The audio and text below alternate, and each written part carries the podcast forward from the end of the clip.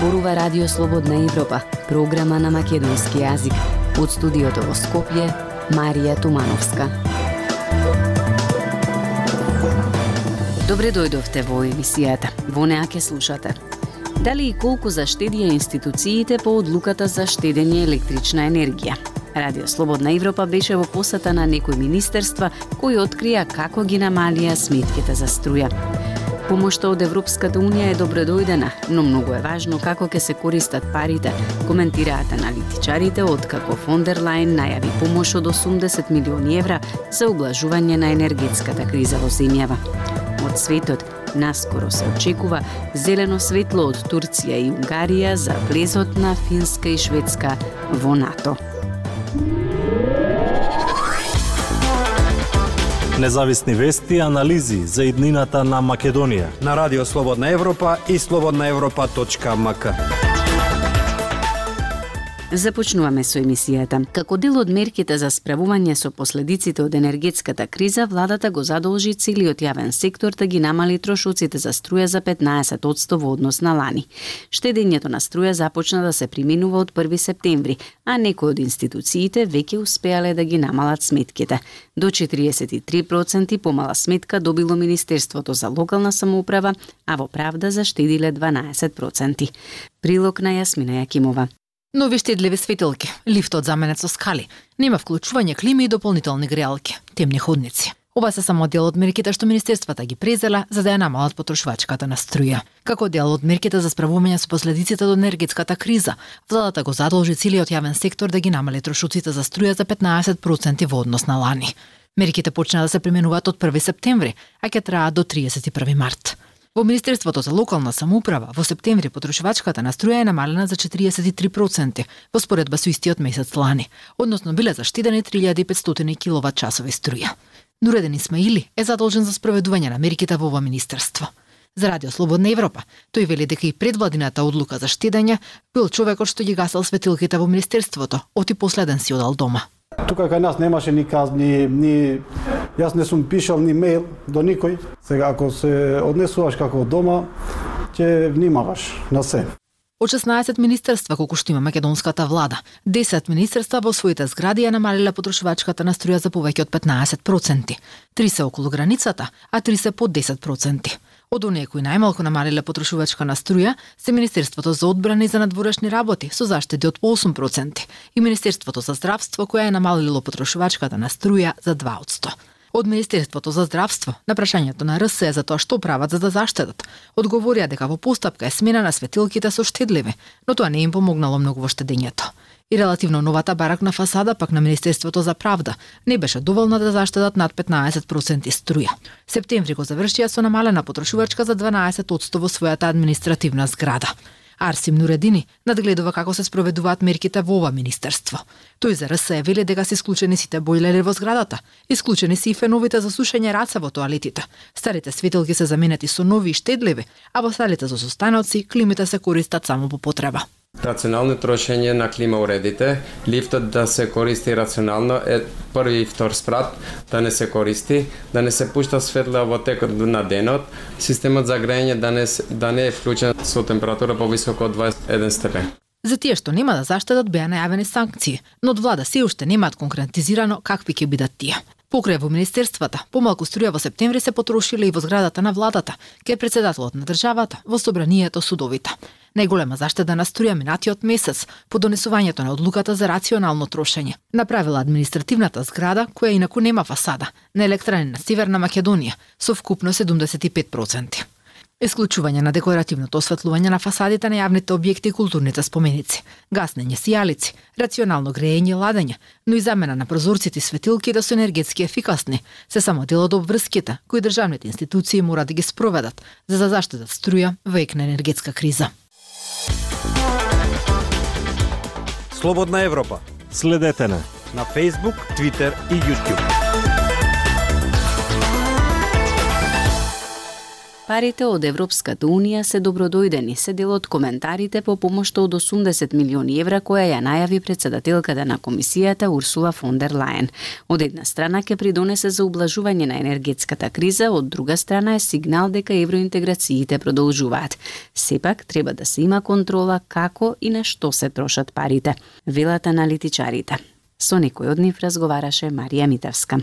Со помош од 80 милиони евра Европската Унија испрати порака дека земјава и Западен Балкан не се сами во справување со енергетската криза, ако се суди според изјавата на председателката на Европската комисија Урсула фон дер Лајен за време на посетата на Скопје.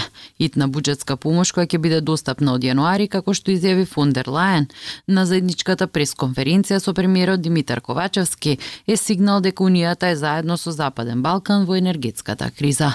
Помошта иако е добре дојдена, не е значајна како износ, а не знаеме ни детали за што парите ќе бидат искористени, вели поранишниот министер за финансии Джевдет Хајредини. Јас не верувам дека Европска унија ќе дозволи да владата одлучи како ќе се користат за тоа што владите на Македонија и до сега со, со години констатирано дека владите на Македонија луѓето ги дел од парите ги злоупотребуваат за корупцијски намет.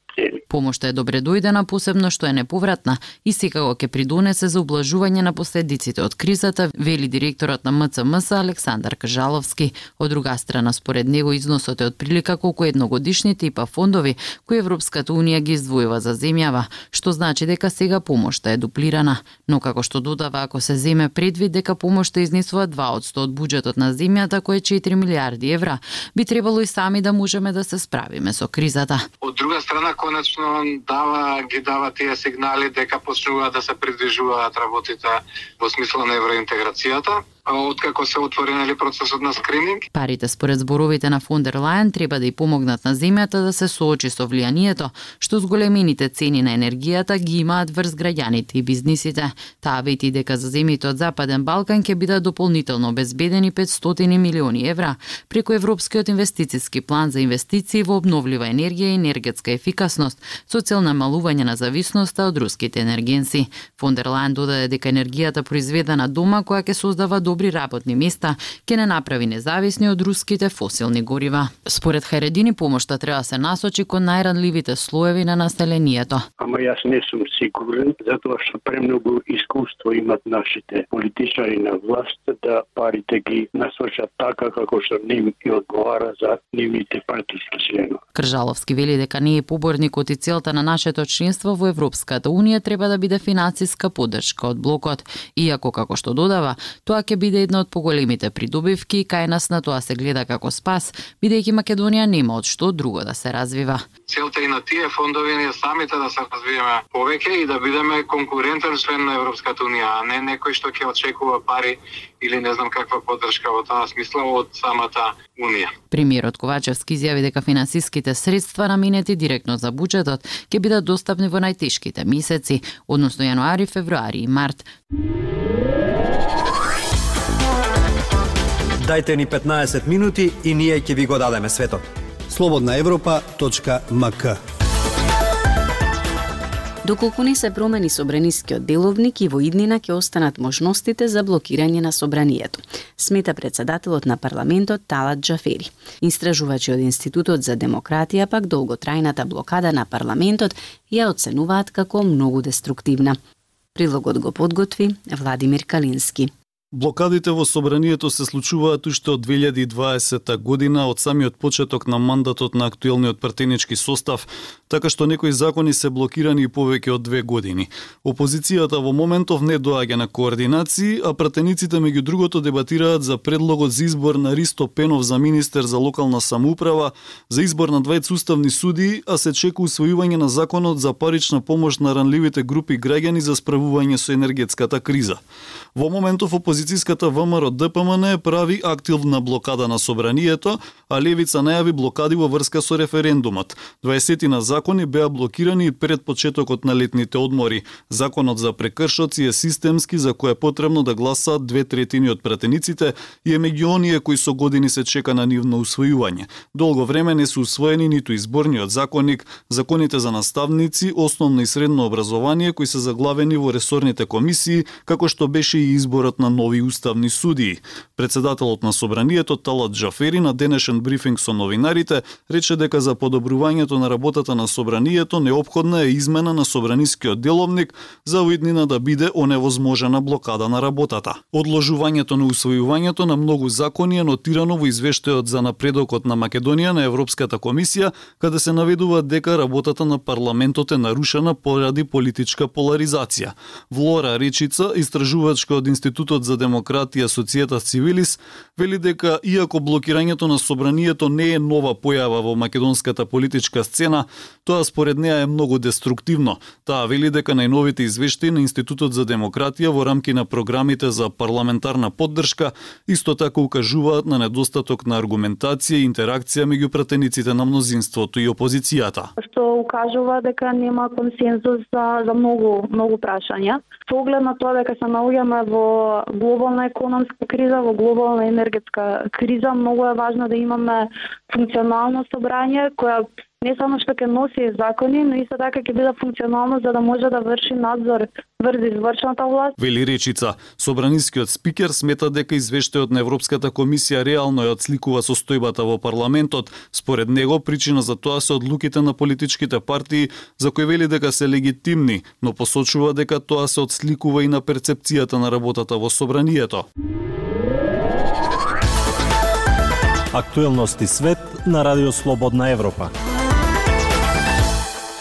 од светот. Финска и Шведска се поблиску до членството во НАТО со тоа што 28 од 30 членки на војната алијанса досега ја имаат депонирано ратификацијата за нивно пристапување по гласањата во националните парламенти.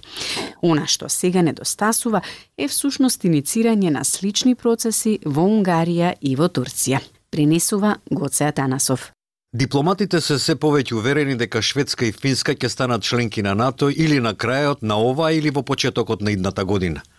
Најочигледна и најочекувана пречка во овој процес се уште е барањето согласност на Анкара – Откако Хелсинки и Стокхолм аплицираа за членство во средината на мај, како директна последица на рускиот напад врз Украина, надежите беа големи дека процесот на пристапување со голема брзина ќе им овозможи да се приклучат на глубот до крајот на летото или почетокот на есента.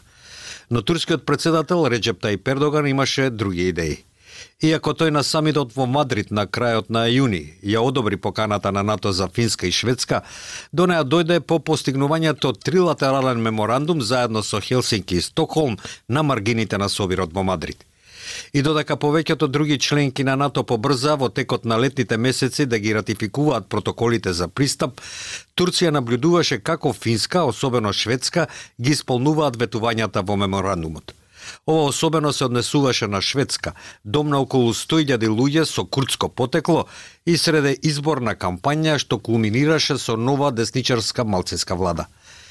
Екстрадициите најверојатно ќе бидат лакмус тест за новата шведска влада. Шведската подготвеност може би само се зголеми со стапувањето на функција на премиерот Улф Кристерсон. Неговата партија, како и неговите коалициски партнери, се цврсто пронато бидејќи Ердоган ќе се бори на председателските избори во јуни, а финците одат на избори на почетокот на април, има нови надежи на сите страни да се затвори ова прашање многу пред тоа. Останува Унгарија и причините зошто незиниот парламент се уште не изгласа ратификација. Официјално е наведено дека собранието и владата се зафатени со изготвување и гласање за ново законодавство со цел да се обезбедат замрзнатите средства од Европската Унија во износ од 7,5 милиарди евра. Но Малкумина веруваат дека тоа одзема толку многу време и е вистинската причина за доцнењето. Шпекулациите во Брисел укажуваат на три работи. Прво, дека Будимпешта го користи доцнењето за да изврши притисок врз Стокхолм и Хелсинки за на крајот да го одобрат протокот на европски пари во Унгарија. Второ, дека на унгарското одолговлекување треба да се гледа како на сигнал за Москва, оти Будимпешта останува најголемиот пријател на Кремљ во западниот блок. И трето, дека тоа се прави во знак на солидарност со Турција – Унгарскиот премиер Виктор Орбан долго време се обидува да негова блиски врски со Ердоган, а Будимпешта постојано се залага за членство на Турција во Европската Унија. Толку во оваа емисија ја слушавте програмата на македонски јазик на Радио Слободна Европа. Од студиото во Скопје ве поздравуваат Дејан Балаловски и Марија Тумановска.